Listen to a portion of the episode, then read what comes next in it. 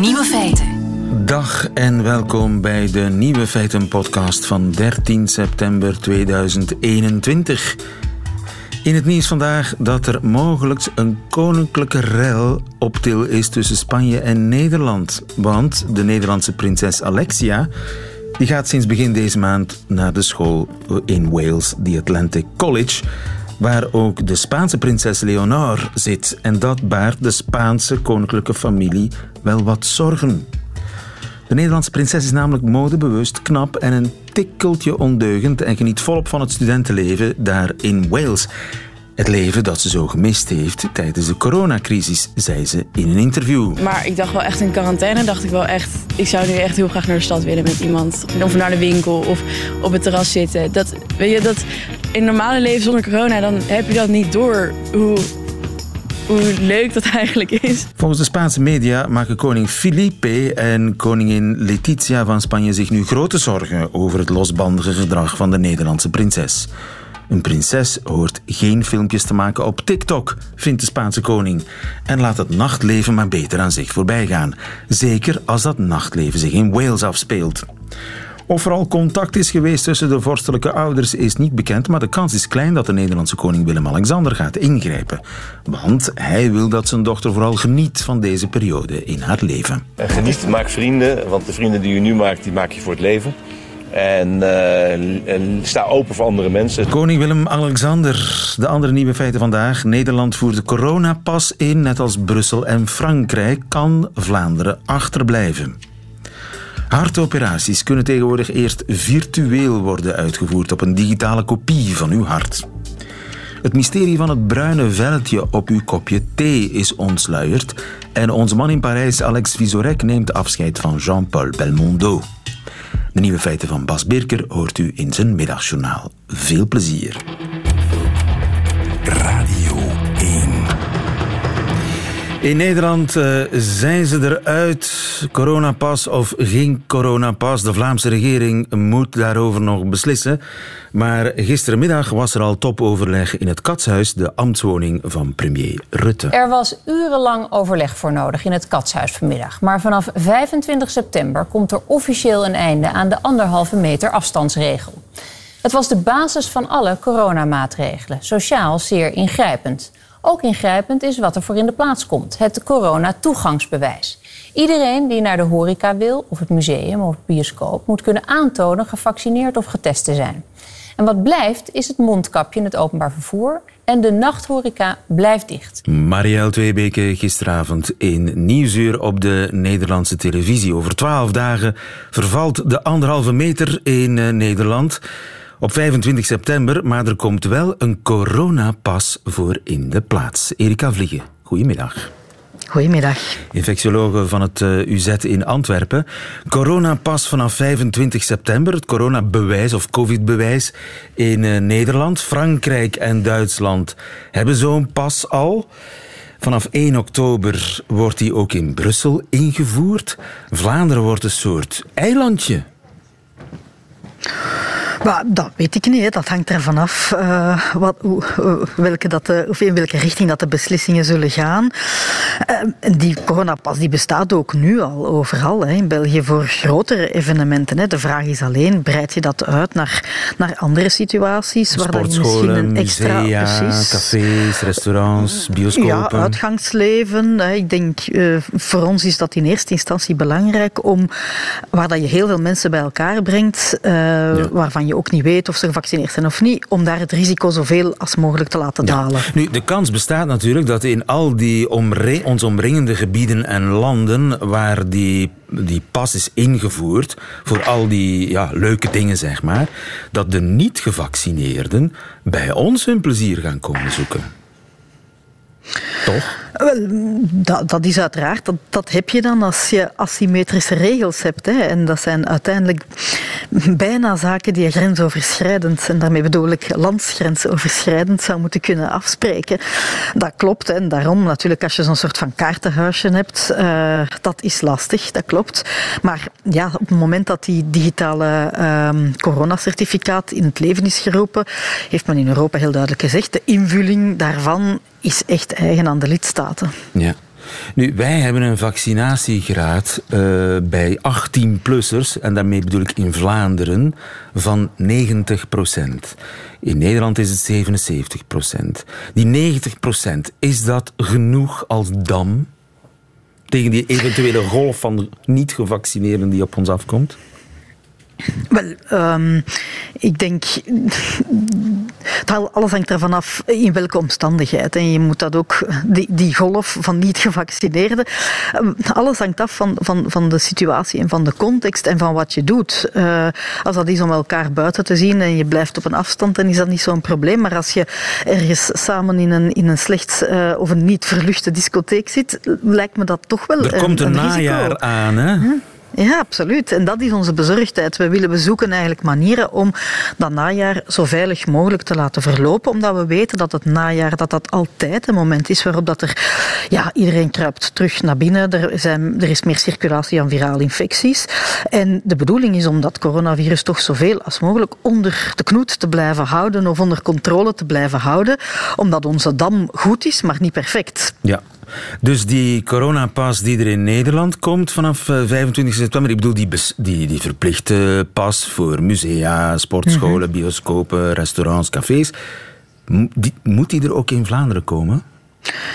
Wel, je, wij denken dat het zinvol kan zijn, zeker voor die situaties waarin, dat je, waarin die extra gevaarlijk zijn. En dat is niet per se een museum, um, maar inderdaad misschien wel een, een, een sportschool, omdat je um, heviger in- en uitademt en, en de verluchting niet altijd even goed is. Maar misschien ook inderdaad het uitgangsleven, kleinere evenementen uh, en alle plaatsen waar dat je eigenlijk niet goed afstand kan houden. Um, daar lijkt dat in eerste instantie een prioriteit te zijn. Ja. Eh, heel veel uitbaters van dat soort gelegenheden eh, zitten met de handen in het haar. Met een bang hart wachten ze die eventuele beslissing af. Want ja, zij moeten natuurlijk instaan voor die controle. Hoe ga je dat doen? Ja, wel, ik, ik ben daar niet helemaal mee eens. Ik weet niet of iedereen daar met de handen over in het haar zit. Want uh, bedoel, er zijn ook, ik heb in heel veel overlegmomenten, uh, zijn er ook vertegenwoordigers van verschillende sectoren die, dat, die daar misschien zelfs wel een beetje op zitten te wachten. Of die daar ook wel uh, dat interessant vinden. Het kan een geruststelling zijn. Precies, het kan een geruststelling zijn. Het kan ook voor uw klanten een geruststelling zijn. En het kan voor ons allemaal een van de verschillende hulpmiddelen zijn om hopelijk ja, die winter wat normaler te laten gebeuren. Nogmaals, het is niet perfect, hè. het is niet waterdicht. Maar um, dus ik denk niet dat iedereen daar, daar zo op tegen is. Er zijn ook verschillende mensen die daar naar kijken als een mogelijkheid om wat zij doen zo, zo lang mogelijk normaal te laten verlopen. Hè, Door uw publiek goed te selecteren op, op veiligheid. En dan gaan we ervan uit dat het systeem ook enigszins waterdicht is. Dat je niet met oh, moet even welke QR-code ja, uh, dat binnen is, kan. En dat is, absoluut, voilà, dat is een probleem, want dat is inderdaad uh, ja, um, dat is fraudegevoelig of mogelijk fraudegevoelig. Uh, daar moet nog eens heel goed naar gekeken moet, worden. Absoluut, ja. ja, ja het is zeker niet iets dat je met de ogen toe meteen kunt uitrollen als, als perfect veilig. Dat is een ander pijnpunt natuurlijk is dat het leven voor de ongevaccineerden dan een stuk minder prettig wordt. Ik denk niet dat de bedoeling moet zijn om het leven onprettig te maken, maar vooral om het leven voor iedereen zo veilig mogelijk te maken. En ofwel ben je gevaccineerd en heb je een pak minder kans om besmet te zijn en om, om overdracht te veroorzaken, ofwel ben je niet gevaccineerd en ben je voor jezelf vatbaar, maar ook uh, meer verhoudingsgewijs meer besmettelijk. Ja, dan moet je bewijzen dat je op dat moment niet besmettelijk bent. Ja, en dat kun je van mensen vragen. Want sommige mensen vinden dat kun je van mij niet vragen, dan, neemt, dan je neemt mijn vrijheid af. Wel, maar nogmaals, ik denk dat je dan zo'n coronapas moet inzetten in eerste instantie in zaken waar je zelf voor kan kiezen. Hè. Ik bedoel, ja, niemand verplicht u om op café te gaan of om naar een fuif te gaan of om uh, naar een evenement te gaan. Maar als je zoiets organiseert en je wil als organisator dat dat zo veilig mogelijk is, met een selectie van zo gezond mogelijke mensen, dan hoort daar op dat moment zo'n pas bij. Ik denk dat het op zo'n manier moet zijn. Ik denk dat je dat niet moet voorstellen als een instrument om mensen het leven moeilijk te maken, maar meer een instrument om dingen terug in ja, zo lang mogelijk, zo veilig mogelijk te maken. Erika Vliegen, dankjewel. Infectiologe aan de Universiteit van Antwerpen. Goedemiddag. Alsjeblieft. Nieuwe feiten. Coucou de France. met Alex Visorek. Waar ze op de terrasjes in Parijs en in andere steden en dorpen van Frankrijk over praten, dat weet onze landgenoot en mijn collega bij Radio France, Alex Visorek. Goedemiddag, Alex. Goedemiddag, lieve. Misschien ken je dit.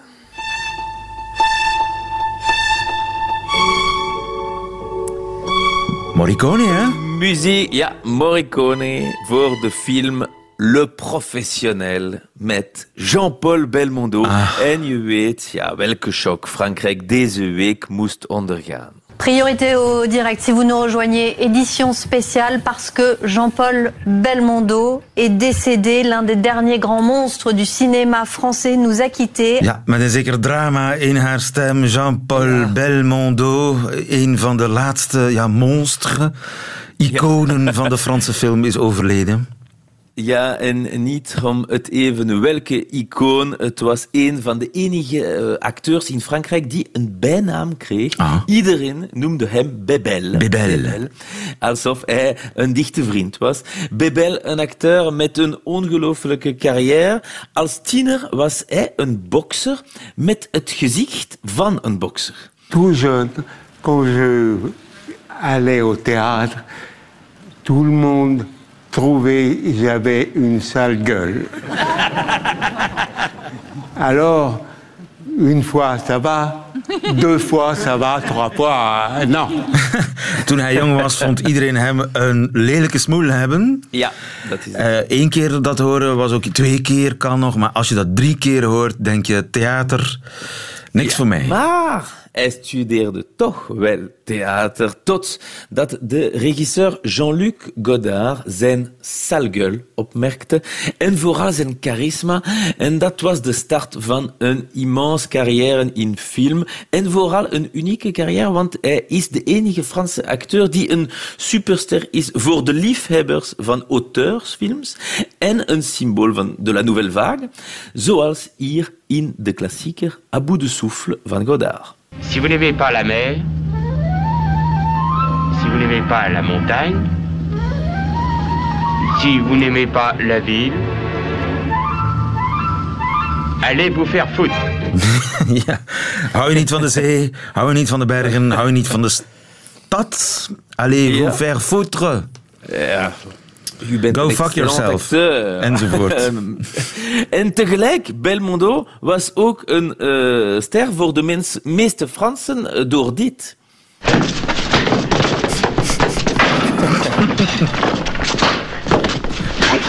Bam.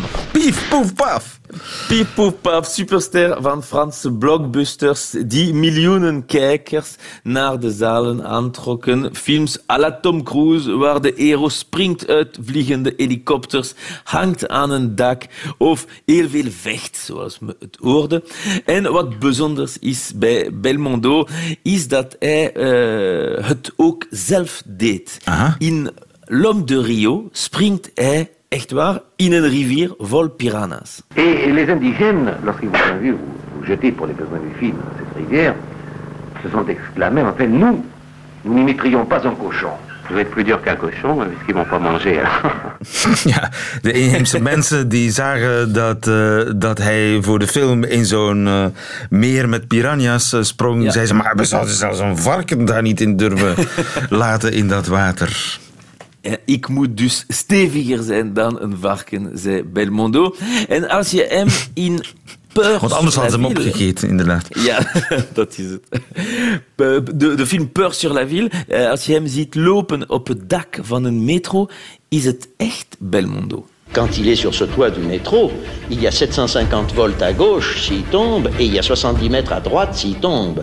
Alors il a, il a intérêt à rester là où il est. Ja, links heb je 750 volt, rechts Ja. een ja, 70 meter diepte. Dan blijf je best waar je bent.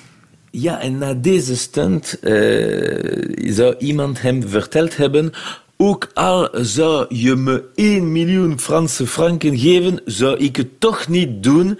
En Belmondo antwoordde, voor 1 miljoen ik ook niet.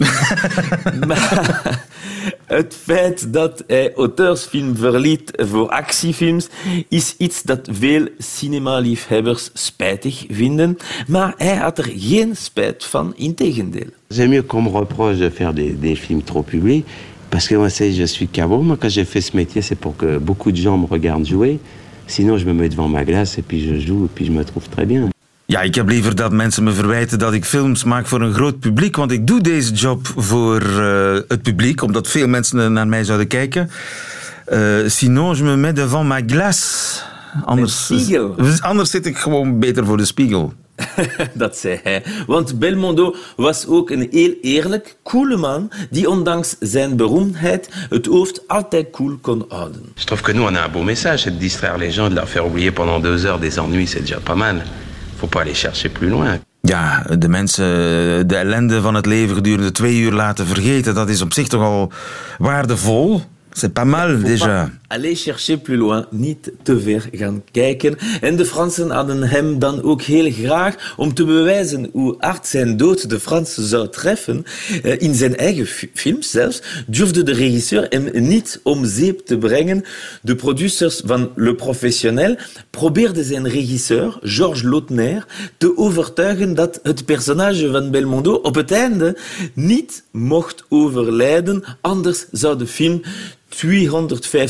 250.000 kijkers minder aantrekken, zei hij, spoiler alert, op het einde gaat hij wel dood en de film was een succes met maar liefst 5 miljoen kijkers in Frankrijk. Frankrijk heeft hem dus op donderdag uh, eer gebracht met een nationale hulde-ceremonie vol emotie.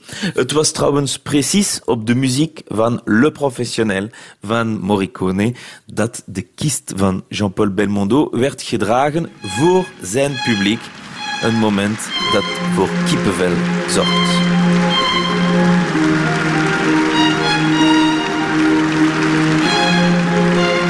Les applaudissements, au revoir Monsieur Belmondo, au revoir Bebel.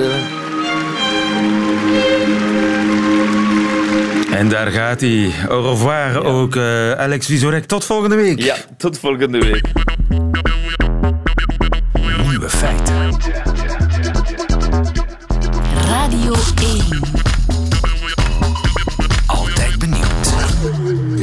Hoe vaak gebeurt het niet dat de dokter zegt: ja, 50% kans dat het lukt, 50% kans dat die ingewikkelde operatie of die zware behandeling dat dat iets goeds teweeg brengt. 50%.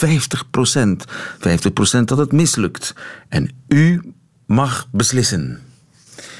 En daar zit je dan met het dilemma van de eeuw. Had ik maar een dubbelganger waarop de dokter kan oefenen? Dat moeten heel veel patiënten al uh, gedacht hebben. En kijk, daar is Matthias Perling. Goedemiddag, Matthias. Goedemiddag. Matthias, uh, biomedisch ingenieur aan de Universiteit van Delft. Nou, het schijnt, kun jij een kopie van mij maken? Ja, uh, wij maken dus in ons onderzoek digitale kopieën van zachte organen in het lichaam. Mijn zachte organen, die kun jij kopiëren? Ja, digitaal tenminste toch. Zachte organen, waar denk ik dan aan? Goh, ja, uh, de meest belangrijke waar ik natuurlijk op gefocust heb is het hart, maar er zijn veel andere zachte organen in het lichaam. Je hebt uh, de slokdarm, je hebt de longen, je hebt de maag, je hebt uh, de lever. zo, zo, zijn er vele.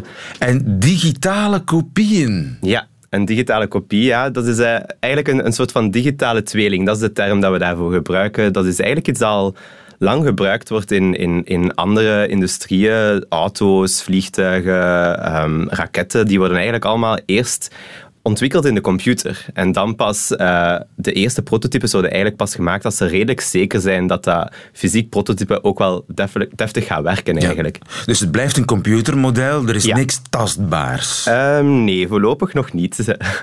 Ja. Dus, ja, dat, dat is iets waar we natuurlijk ook wel van dromen, dat we ooit onze modellen als, als hologrammen echt kunnen gaan tonen aan de artsen op een bepaald moment. Maar dat is eh, nog een klein beetje toekomstmuziek. Misschien dat de ABBA-techniek daarbij kan helpen. Ja. Eh, Wie weet, ze zijn aan het schijnt daar grenzen aan het verleggen. Ja. Nu, eh, dat is een computermodel.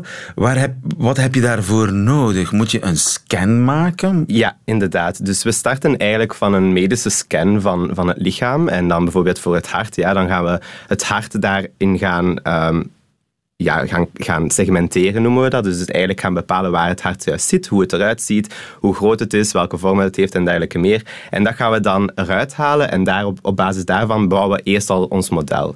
En dat gaan we dan eigenlijk eh, opdelen in kleinere stukjes. En dan voor elk stukje gaan we berekenen welke processen er precies in het hart plaatsvinden, om dan te gaan voorspellen hoe het volledige hart zich gedraagt. Ja, ja. Dus precies hoe mijn hart werkt, hoe het eruit ziet, de vorm. Ja, het is zeker niet alleen de vorm, want de vorm is eigenlijk maar een klein aspect ervan. Het is eigenlijk alle processen, dat zijn biochemische processen, mechanische processen, elektrofysiologische processen. Het hart is eigenlijk een, een uiterst complex orgaan en er gebeurt zoveel in dat we eigenlijk wel een hele kloef eraan werk hebben om dat in een computer te gaan programmeren. Maar dat is juist waar mijn onderzoek over ging. Ja, maar ook mijn voorgeschiedenis, mijn genetica, Ja, weet ik veel of ik al mijn hele zijn- leven sigaretten rook. Ja, dat zijn zaken die dat we daar kunnen inbrengen. Ehm, we zijn nog helaas niet zo ver om de hele voorgeschiedenis er al in te brengen. We kijken vooral nu van hoe functioneert jouw hart nu en eh, welke processen gaan daar nu aan te pas. Eh, maar we proberen inderdaad ook wel meer en meer die voorgeschiedenis erin mee te nemen en ook wel meer en meer te gaan voorspellen in de toekomst van hoe gaat jouw hart bijvoorbeeld zijn gedrag gaan veranderen eh, doorheen de tijd. Ja. En dan kun je eigenlijk zogezegd een operatie daarop uitvoeren. Ja, inderdaad. Ja. Eens, eens dat we begrijpen hoe dat de processen plaatsvinden in het hart en eens dat we dat kunnen gaan voorspellen, kunnen we dan eigenlijk ook wel iets anders gaan doen. We kunnen bijvoorbeeld een, een klep gaan inbrengen, dat is dan een mechanische belasting op het hart. En die kunnen we dan gaan testen in het virtueel hart en kijken van ja, ehm, als wij die klep nu inbrengen, gaat dat voor die, die patiënt dan een hele hoge spanning in veroorzaken bijvoorbeeld, want dat is niet goed. Gaat dat bijvoorbeeld een bepaald signaal gaan blokkeren, dat is ook weer niet goed. Of gaat het dan effectief ook wel de klep of het probleem dat er was met de klep eh, van het begin al oplossen? Gaat dat dan weer goed sluiten, ja of nee? Dat is bijvoorbeeld een, een, een voorbeeld daarvan. Ja. En hoe zeker zijn we dat dat ook werkt? Want ja, het blijft natuurlijk een gok, die kopie.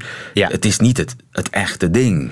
Nee, ja, en dat is ook waar dat ons werk zich op focust natuurlijk. Hè. Wij, wij proberen die modellen te ontwikkelen en wij moeten die kalibreren en valideren. Dat zijn nu heel wetenschappelijke termen, maar dat is eigenlijk gewoon checken of dat het correct is wat dat we voorspellen. En, en daar zijn we al redelijk goed in geworden. Natuurlijk, we, we blijven daaraan werken om dat beter en beter te doen, maar we zijn nu wel echt op een punt dat we, dat we modellen hebben die goed genoeg zijn om dan die, die bijvoorbeeld die operaties te gaan, te gaan testen virtueel. Ja, en maar heb je dat al gedaan? Dus eerst zo'n een testoperatie gedaan en vervolgens een echte operatie en gekeken, eh, eh, ja, werkt het computermodel zoals de werkelijkheid heeft gewerkt? Ja, ik zelf heb dat nog niet gedaan. Ik, ben, ik maak deel uit van een, een heel consortium dat dit soort modellen maakt. En, en er zijn een- zeker al een aantal artsen die effectief ja, eh, eerst virtueel de operatie uitvoeren en dan eh, ehm, gaan die effectief uitvoeren volgens degene, de,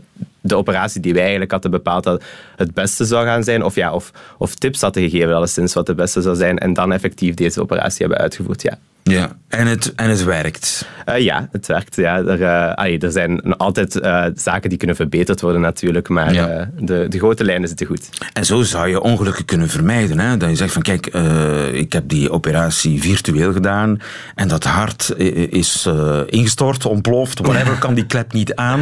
Ja, ja, ja bijvoorbeeld wat, wat heel belangrijk is, is, is eigenlijk de, de transitie naar de gepersonaliseerde geneeskunde daarbij. Hè. Dus er zijn heel veel soorten kleppen, bijvoorbeeld. Ook, ja, we zijn nu op kleppen aan het focussen, maar eh, er zijn heel veel soorten kleppen, heel veel soorten maten. En niet voor iedere patiënt is elke, elke soort of elke maat ja, de, de juiste. En het is niet altijd even simpel voor een arts om op voorhand te gaan voorspellen, voorspellen welke dan juist de beste is. En dat kan enorm helpen, zo'n virtueel model om op te oefenen. Geldt het ook voor medicijnen? Want ja, er zijn medicijnen bijvoorbeeld, hè, dat staat dan bij de ja, informatie. Het werkt in 90% van de gevallen. Ja. Ja, hoe weet ik of ik niet bij die 10 andere procent hoor? Ja, dat is, dat is inderdaad ook iets dat we met onze modellen proberen dus te onderzoeken en te gaan bepalen. En, en, en het interessante is, dat dan ehm, meer op het elektrofysiologische bijvoorbeeld van het hart, dat we ook kunnen gaan voorspellen of dat er geen negatieve bijwerkingen zijn bijvoorbeeld van een, van een, een medicijn. Als je van een bepaald medicijn te veel neemt, dan, dan kan dat bijvoorbeeld in het hart ja, echt wel problemen gaan veroorzaken. En, en die zaken willen we eruit halen. En, en, en zeker voor jou persoonlijk dan gaan bepalen waar ligt de limiet. Ja. Dus op harten zijn jullie al ver. Ja. Uh, maar jullie kunnen uitwijken naar alle mogelijke andere wekendelen van de mens. Inderdaad. Ja, er zijn andere domeinen waar ook andere onderzoekers eh, dezelfde soort technologieën nu aan het, aan, aan het verder ontwikkelen zijn. Om eh, inderdaad ook daar te gaan kijken van eh, hoe kunnen we hier die eh, organen beter in kaart brengen en dan er beter mee omgaan in de kliniek. Dus dat is een, een ding dat volop bezig is. Ja, ja, ja volledig. Ja. En dat kan de, de geneeskunde een ferme stap vooruit eh, een boost geven. Ja, dus de bedoeling die wij daarmee hebben is eigenlijk echt gewoon een soort van eh, een, een hulp te zijn voor de arts. Hè. We gaan niet de, de rol van de arts overnemen, absoluut niet. Maar we willen wel extra inzichten ehm, bieden aan de arts eh, op voorhand eigenlijk. Ja. En is dat iets wat eh, breed uitgerold zal worden, zoals dat tegenwoordig heet, binnen afzienbare tijd? Dat is, dat is de droom. Hè. Dus, eh, dat is iets waar dat wij allemaal actief aan werken. Ehm, ja, ik maak deel uit van een consortium van mensen die, die, die deze virtuele hartmodellen meehelpen verbeteren. En ze ook effectief eh, in de kliniek te proberen brengen. Maar natuurlijk, ja, momenteel, zo'n hartmodel, dat is nog computationeel heel zwaar. Dat, dat duurt lang om dat uit te rekenen. Daar zijn nog wat stappen die we moeten nemen. Ehm, we zijn daar volop mee bezig en eh, dat gaat zeker de goede richting uit. Het gaat de goede richting uit, maar we hebben het toch over ja, binnen een jaar of vier, vijf. Ja, dat is de, dat is de hoop dat we tegen dan eh, effectief eh, die, die hartmodellen eh, tot bij de patiënt kunnen brengen.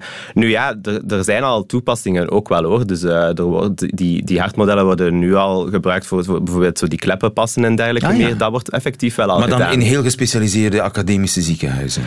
Ja, nee, eigenlijk hier aan, in, aan de Universiteit Gent is er bijvoorbeeld ook een spin-off die dat, dat effectief als service biedt aan verschillende artsen wereldwijd om bijvoorbeeld al kleppen te gaan passen. Dat is dan het mechanische eh, Oh ja. onderdeel. Ja, Dus wereldwijd worden in Gent eh, virtuele harten besteld. ja, dat is, dat is die spin-off dat dat doet natuurlijk. Ja. Ja, inderdaad. Dus het is begonnen. Ja. Matthias Perlink, van harte gefeliciteerd met je werk. En nog veel motivatie om hier volop aan door te werken, Matthias. Dankjewel. Goedemiddag. Dag. Radio 1. Nieuwe feiten.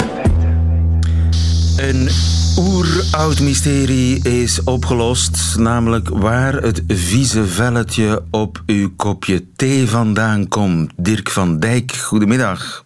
Goedemiddag, lieven. Professor fysica aan de Universiteit van Antwerpen. Het zijn collega's van u in Zwitserland die volgens mij heel veel thee hebben gezet. Met een wetenschappelijk doel, namelijk een onderzoek naar het bruine laagje dat zich na verloop van tijd op de thee vormt. Dat is juist, dat is juist. Dat we dat En nog niet is- wisten, waar dat laagje vandaan komt, dat vind ik eigenlijk al heel vreemd. Eh, wel, er zijn wel theorieën geweest. Hè. Er zijn ook vroegere uitleggen. Zelfs al in de zevende eeuw bestaan er teksten over dat er zo'n laagje komt. Maar eh, een tiental jaar geleden is al onderzoek gedaan. Maar die hadden toch niet het juiste antwoord. Die beweerden dat dat laagje zou komen van een soort was, waslaagje dat boven op de theeblaadjes zou zitten en dat dan vrijkomt en begint te drijven. Was die oorspronkelijk op de theeblaadjes zou gezeten hebben, dat dan na- Een vrijkomt? soort, ja, een soort natuurlijke bescherming, hè, maar dat is het niet. Dat is het dus niet, geen Nee, het waslaagje. Wat is het dan wel? Wel, het, het is eigenlijk... eh op, men heeft, eh, het is in Zurich gebeurd, het ETH Zurich, dat is toch een topuniversiteit, ook waar Einstein gedoctoreerd is. En dat is een, ja, er is dus een groep die eh, food nutrition doet, het departement van health science, dus gezondheidswetenschap. En die hebben dat grondig onderzocht met heel ge- gesofisticeerde technieken. Hè. Men noemt dat rheologie, hè, dus dat is vooral de stromingsleer. Dus de dikte van laagjes meten, de stroperigheid, de elasticiteit, de plasticiteit. En wat blijkt, dus in, in, in alle, de meeste eh, groenten en fruit zitten fenolen. Goed, ik ga niet in de chemie maar dat zijn, dat zijn bepaalde koolwaterstofbindingen. En, eh, en die reageren met, de, met de, de calcium in het water. Dus in het hard water zit kalk. En die reageren met kalk en dat vormt zich dan een harde film. Dus als die kalk er niet is, is er ook wel een dun filmpje, maar is dat niet hard. Dat ligt bovenop het water en dat is niet hard, maar hetgeen wij zien is een soort hard filmpje. Dan nog, meestal is dat niet zichtbaar voor het oog. Dus men heeft nu, uh, laten we zeggen, omdat ze echt geïnteresseerd waren omdat tegen zoveel gedronken wordt, hebben ze die, die dikte van die laagjes en, en de eigenschappen, de, sterkte enzovoorts onderzocht. En als functie van een aantal dingen. Ten eerste, als je dat in zuiver water doet, met ja. theeblaadjes, en water dat niet hard is. Gedemineraliseerd water, waar ik ook ja. mee, mee strijk, dan zou dat laagje er niet in, uh, zijn, of veel dun en je ziet het niet. En dan is het ook niet stijf. Dus dan is het niet het laagje zoals wij het kennen. Het kan zich altijd wel een vloeistoflaagje opvormen, maar dat zien we dan niet. En dat stoort ook niet. Maar dan zijn ze beginnen uh, toevoegen, bijvoorbeeld suiker, uh, melk, uh, citroen. Citroen? Om te checken en wat er met dat laagje gebeurt. Ja, en ook kalk. Hè. Dus ook de toonaan van kalk. Vooral hebben ze dus van zeer, laten we zeggen, zuiver water tot zeer kalkrijk water geprobeerd. En natuurlijk, hoe meer kalk, hoe, hoe sterker het laagje wordt. Dus is heel duidelijk, zonder kalk geen laagje. Okay. Dus als je echt, als je echt gedemineraliseerd water zou gebruiken, dan heb je ook geen laagje. Dan blijkt dus dat, uh, dat de de suiker weinig effect geeft. Het laagje blijft even dik en even sterk ongeveer. En citroen? Maar citroen wel, een enorm sterk effect. Dus blijkbaar moeten dan, ja, de, is er een chemische reactie met de calciumionen. Goed, uh, niet, we gaan niet verder in de chemie. Maar, uh, maar dat blijkt dan toch een enorm effect hebben op de laagjes. Dus de laagjes verdwijnen dan. Worden, normaal zijn ze, uh, ze kunnen plastisch zijn, maar ze kunnen ook brokkelen zoals blokjes ijs. Hè. Dus je ziet als je erop klopt, dat kan dus zo heel fragiel zijn, heel zijn. Ja, en, en in een leeg kopje blijven ze soms achter als van die vlekken op de bodem van je, van je kopje. Absoluut, dat is het. Hè. Dat zijn die bruine vlekjes en die dat. Nu, uh, dus blijkbaar met citroen uh, gaat het uh, veel minder of veel, veel sterker weg. Suiker helpt niet. melk helpt, het geeft ook geen effect, alleen wordt het laagje dikker, maar je ziet het beter. Want het, ah, want het ja. verhoogt de zichtbaarheid. Ook als je het kopje niet goed gewassen hebt, als er sporen in zitten van andere zaken, alle onzuiverheden maken ook dat het laagje zichtbaar wordt. Want het zijn mineralen die zich combineren ja. met fenolen, een soort stoffen Inderdaad. die in die zit. Zo is dat, zo is dat dan. En dan natuurlijk, op het einde komt dan gewoonlijk de vraag, waarom doet je dat onderzoek? Ja. Uh, ten eerste is begrijpen altijd. Hè. Uh, de vooruitgang is dikwijls gedaan door dingen waar je uh, niet naar zocht en wel gevonden hebt, of doordat je dingen begrijpt. Ze zochten eigenlijk naar iets anders. Uh, nee, nee, in dit geval waren ze geïnteresseerd om te weten wat doet dat op dit thema. Maar uh, dat kan ook interessante informatie zijn voor bedrijven die bijvoorbeeld uh, het kant-en-klaar, bijvoorbeeld thuisthee maken. Hè. Willen ze dat of willen ze dat niet? Is dat ja. beter voor het bewaren of niet? Of bijvoorbeeld op de bijsluiter, als je graag thee hebt met een laagje, dan veel heel kalkrijk water. Smakelijk ziet het er niet uit, maar heeft het nee. invloed op de smaak? Nee, uh, blijkbaar niet. Blijkbaar niet. Maar daar, daar hebben ze geen onderzoek naar gedaan.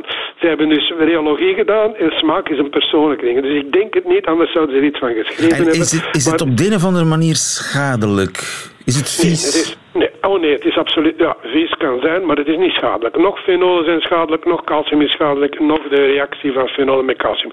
Dus het laagje is absoluut niet schadelijk. Smaak, er is geen, geen test gedaan hier over smaak. Dus ja. uh, natuurlijk, zijn, het is een laboratorium, dan moeten we beginnen met mensen te laten ja, proeven ja. en zo. Dat hebben ze niet gedaan, dus daar kan ik me niet over uitspreken. Maar, uh, maar ze zouden er misschien wel iets van gezegd hebben, maar ook nergens in het artikel staat er iets over En uh, geeft de ene thee meer vel dan de andere? Uh, ze gebruiken altijd de zwarte thee, dat is de Ceylon-thee. Dat is altijd 63% van alle thees zijn van die struiken gemaakt of soortgelijk. En niet de groene thee. Dus, dus het geldt hier toch voor alle zwarte thees of alle, uh, laten we zeggen, verwante thees van zwarte thee. Maar voor ja. de rest hebben ze maar één soort thee onderzocht. Dat is Ceylon van Sri Lanka. Uh, de zwarte thee van Sri Lanka, altijd op dezelfde manier ja. gemaakt. Dus als je echt geen vies velletje op je thee wilt, tenminste wat je denkt vies, dat vies is, maar dat helemaal niet vies is, dan moet je gedemineraliseerd water gebruiken. Maar of dat ook lekker is, thee met... Nee, nee, nee, nee, nee, nee, nee. Als je gedemineraliseerd, dan zie je het niet. Dus als je het niet wilt, moet je gedemineraliseerd water gebruiken. Ja, maar is dat ook lekker? Uh, goh, nu is dezelfde vraag. Ik weet ja, het niet. Daar moeten we, ik, dat is, niet echt, daar moeten we eens een, een ja, testpanel opzetten. Ja, maar dat is zonder thee. Je moet, je moet eens proeven hè, of dat gedemineraliseerd water anders proeft dan gewoon water van de kraan. Hè. Want daar zou zou het verschil ook al moeten in zitten. Hè. Het enige verschil is hier, dat is met gedemineraliseerd water heb je geen velletje en met, eh, laten we zeggen, hard water heb je wel een velletje. Ja. Dat is wel het verschil. Maar of dat, of het effect op de smaak, daar heb ik geen uitspraak over. Ja, dat, dat moet nog verder eh, onderzocht worden. Onderzocht, misschien moet ja. ik dat eens eh, thuis eh, zelf op mijn eentje proberen. Of misschien moeten luisteraars dat maar eens proberen.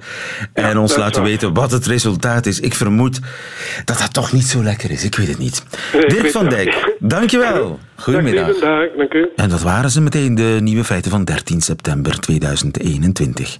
Die van Bas Birker vandaag, die hoort u in zijn middagjournaal. Nieuwe feiten. Middagjournaal.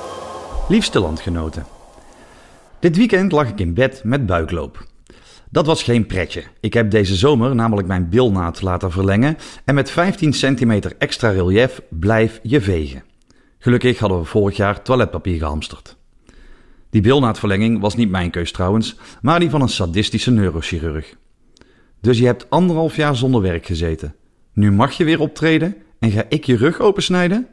Dat is wel een heel klein beetje grappig, sprak hij grijnzend terwijl hij mijn hernia's from hell bekeek. Ik knikte. Voor een comedian heb ik slechte timing. Het eerste gevolg van mijn rugproblemen was de constant terugkerende vraag: heb je al een goede kinesist? Ik weet niet wat het is met Vlamingen en kinesisten, maar het woord van God lijkt hier wel verdrongen door de missie van het kinesisme. Alsof ze alwetend zijn en alles kunnen oplossen. God is een kinesist. Ingrijpender was het tweede gevolg. Drie spoedoperaties en drie keer een week ziekenhuis. Ik lekte hersenvocht uit mijn rug, lieve luisteraars, een liter of zo. Geen buikloop, maar rugloop. Met een doorweekte broek begon ik cd's van Niels de Stadsbader te hamsteren. De spoedarts wist genoeg. Ik verloor hersenvocht. Drie keer een week op een tweepersoonskamer, ik raad het niemand aan. Niet dat er slecht voor me is gezorgd, de Vlaamse gezondheidszorg is top. Maar als je drie keer naast iemand ligt die geen woord Nederlands spreekt, is een week gewoon lang. Mijn eerste kamergenoot was een man met pijn uit Roeselare. Geen woord van verstaan. De eerste dagen dacht ik dat hij me uitmaakte voor Jeannette. Na een tijdje begreep ik dat hij moho, moho, moho zei en geen homo. My bad. De tweede was een Bulgaarse bouwvakker van 2 meter op 2, wiens vocabulaire bestond uit het woord roestig, waarmee hij, als ware het een mantra, zichzelf probeerde rustig te houden. Ik heb wel eens relaxter geslapen dan naast een kolos die constant roestig, roestig, roestig tegen zichzelf roept. De derde was een Italiaan in een delirium die zes woorden Engels kon. Zijn catchphrase was koekoe, why am I here?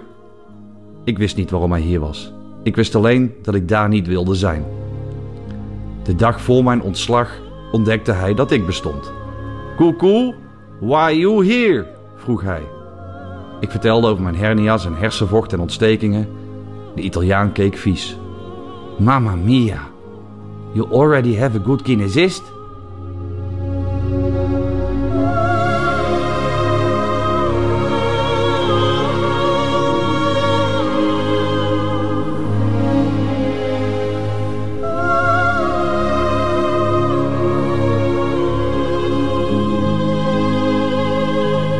Birker in het middagjournaal. Meteen het einde van deze Nieuwe Feiten podcast. Hoort u liever de volledige uitzending van Nieuwe Feiten? Dat kan natuurlijk ook via onze website of via de app van Radio 1.